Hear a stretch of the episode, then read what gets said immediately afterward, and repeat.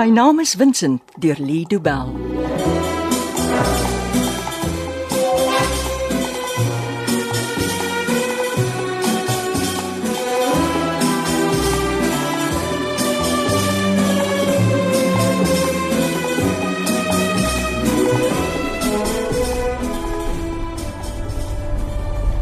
Is daar nog 'n bietjie koffie?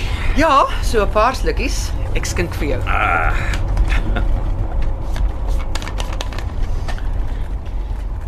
Moenie alles vir my gee nie, jy is seker ook al teen die tyd dors. Daar's genoeg vir 'n halwe koppie. Ek drink eerder water. Hoekom kry ek dan spesiale diens? Jy moet wakker bly, anders verongeluk ons. Iso.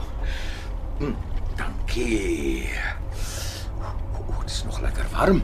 Ek hoop die garage waar ons gaan stilhou se koffiewinkel is oop. Ja, dit sal wees die plek op die N1 is mos dag en nag oop. Wanneer het mense so obsessief geraak oor koffie? Hoe bedoel jy? Jy doen deesdae niks as daar nie iewers koffie betrokke is nie. Daar's min dinge lekkerder as 'n goeie koppie koffie. Ons is almal verslaaf aan koffie. Ja, dis nie 'n moderne ding nie.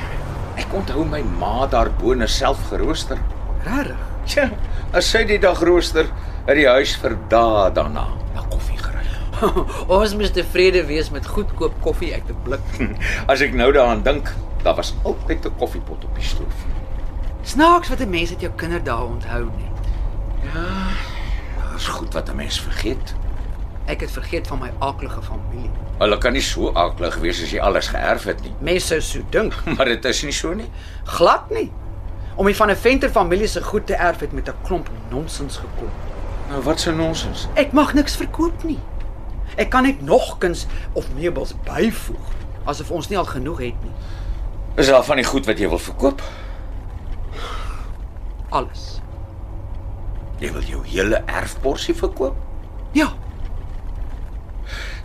Is jy nie bly jy het nou genoeg geld om gemaklik te kan lewe nie? ja en nee. Maak my kriewelrig. Miskien is dit oor ek so lank in die kommune gewoon het. Ja, en daar het jy alles gedeel. Nie heeltemal so eenvoudig nie. Ons het saam gewoon en saam gewerk. Ek dink ek mis my vriende. Jy maak daarom nou nuwe vriende. Ek maak vriende met mense wat help soek na my gesteelde van Gogh skilderye. Wat gebeur as ons die skilderye vind? Ek weet nie. Maar ek is lus om hulle weg te gee. Mag jy?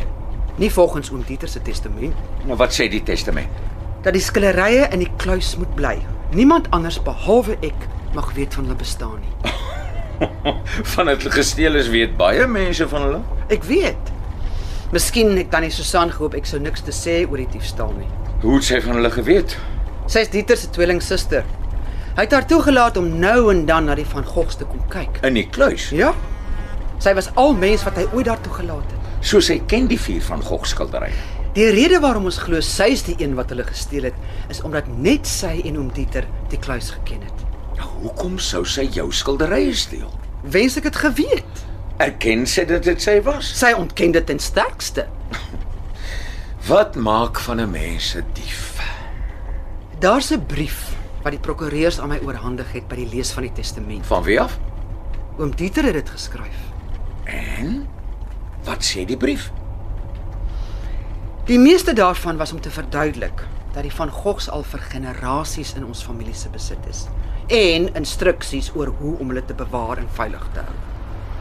Weet tannie Susan van die brief? Sy was die dag daar. Hoekom? Ek dog sy het niks geërf.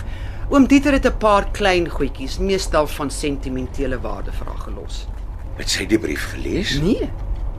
En ek is bly sy het nie. Nou hoekom so? In die brief praat hy nie mooi oor sy suster nie. Het hulle dan nie oor die weg gekom nie? Mm, Teen die einde van sy lewe was hulle beleef teenoor mekaar, maar eh, daar was strewelinge wat uit hulle jonger dae gekom het. Ja, as ek sulke stories hoor, is ek altyd dankbaar ek het nie broers of susters nie. Soms is dit 'n goeie ding, soms nie. Ja, daar was seker tye in my lewe dat ek gewens het ek was nie my ouers se enigste kind nie. Maar as ek hoor van die gestryery oor erfporsies, is ek weer van vooraf dankbaar. Ek en my suster verstaan mekaar gelukkig die meeste van die tyd as dit by belangrike dinge kom. Nou uh wat het die oom Dieter in die brief te sê gehad? Dat ek nie te veel tyd by die skillerye moet deurbring nie. Dis vreemd. Hy het dit as 'n waarskuwing bedoel. 'n Waarskuwing teen wat? Jy mag nie lag nie. Ek beloof. Hy het my gewaarsku, die vuur van Gogs het magiese krag. Dis 'n nuwe een. Ek het gesê jy mag nie lag Ek, nie. ek, ek is jammer, Matilda, maar 'n skildery bly 'n skildery. Ek stem saam. Maar oom Dieter het geskryf dat hy spyt is dat hy te veel van sy tyd in die kluiskamer deurgebring het. Hy het gekla as jy eers na hulle begin kyk, is dit moeilik om op te hou. Is dit waar? Ek sou nie weet nie. Toe ek die huis erf, was die kluiskamer leeg. Ah, tannie Susan het klaar haar vuilwerk gedoen. Sy kry die horries as sy hoor jy beskryf wat sy gedoen het as vuilwerk. Ek het nie tyd vir mense wat hulle so aanstel nie, nog minder vir diewe. Oom Dieter het geskryf ek moet ligloop vir tannie Susan. Hy het gesê sy het die van Gogh koors gevang. En ek mag haar onder geen omstandighede alleen met die skillerye los nie. O, oh, klink vir my jou familie het 'n bietjie uitgehaak oor die van Gogs. Ja, wie weet of daardie vier skillerye 'n vloek of 'n seën is. En nou is jy verantwoordelik vir hulle. Ja, of ek nou wil of nie. Beteken dit jy moet vir die res van jou lewe in Kaapstad woon? Ja. Ou, kom vra jy?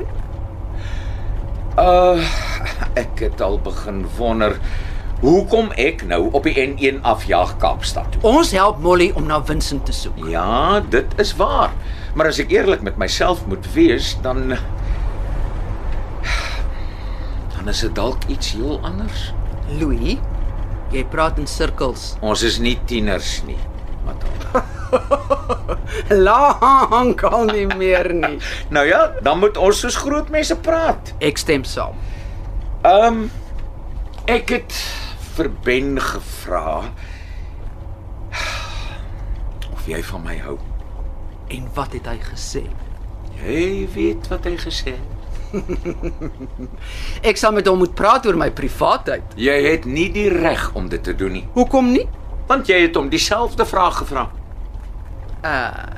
En ons het albei dieselfde antwoord gekry. Ja, Ja. Ons hou van mekaar. ja.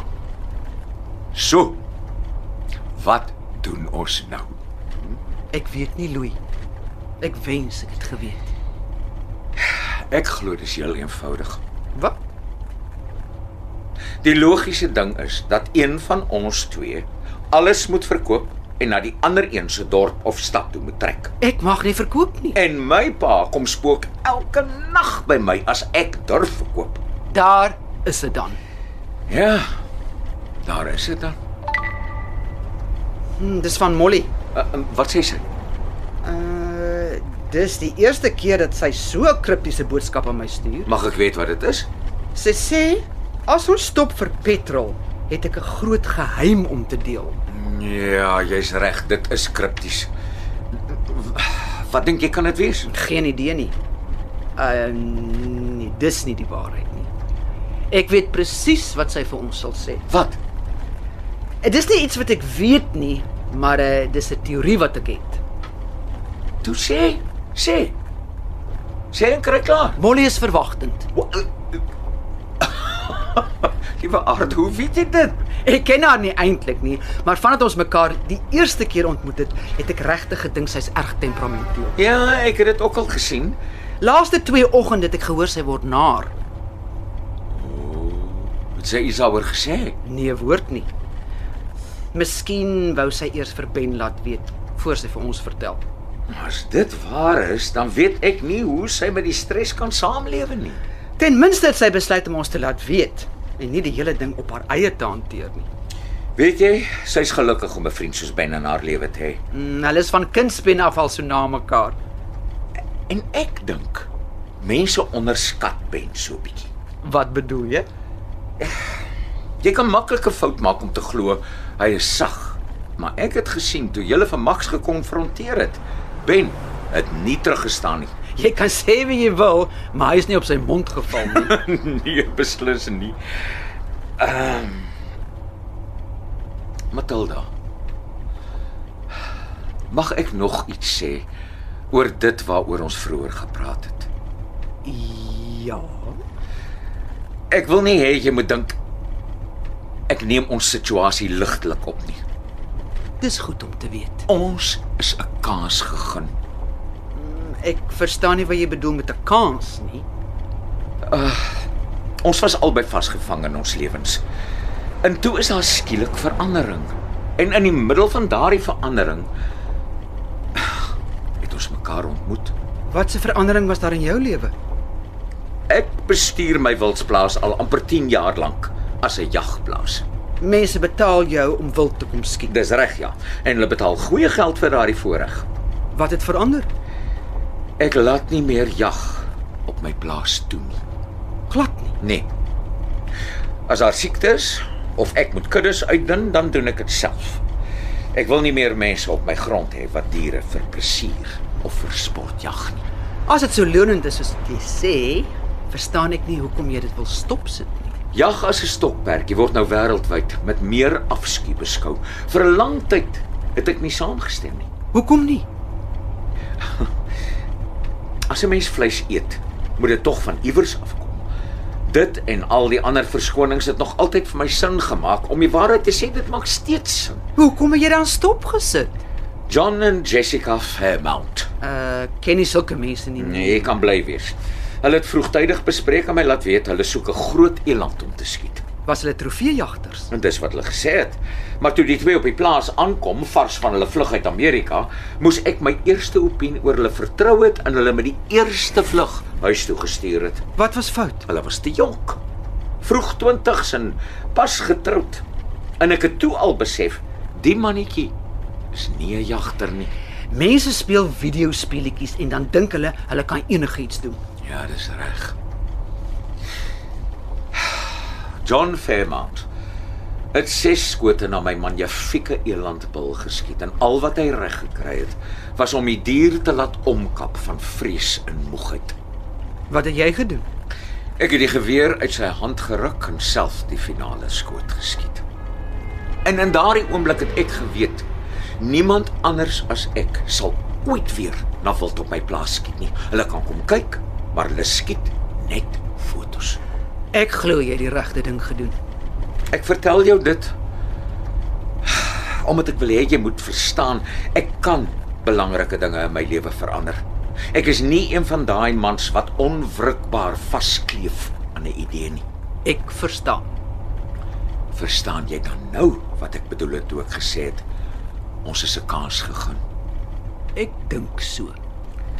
Ek weet nie hoe ons dit sal regkry nie, Matilda, maar ek is nie iemand wat maklik opgee nie.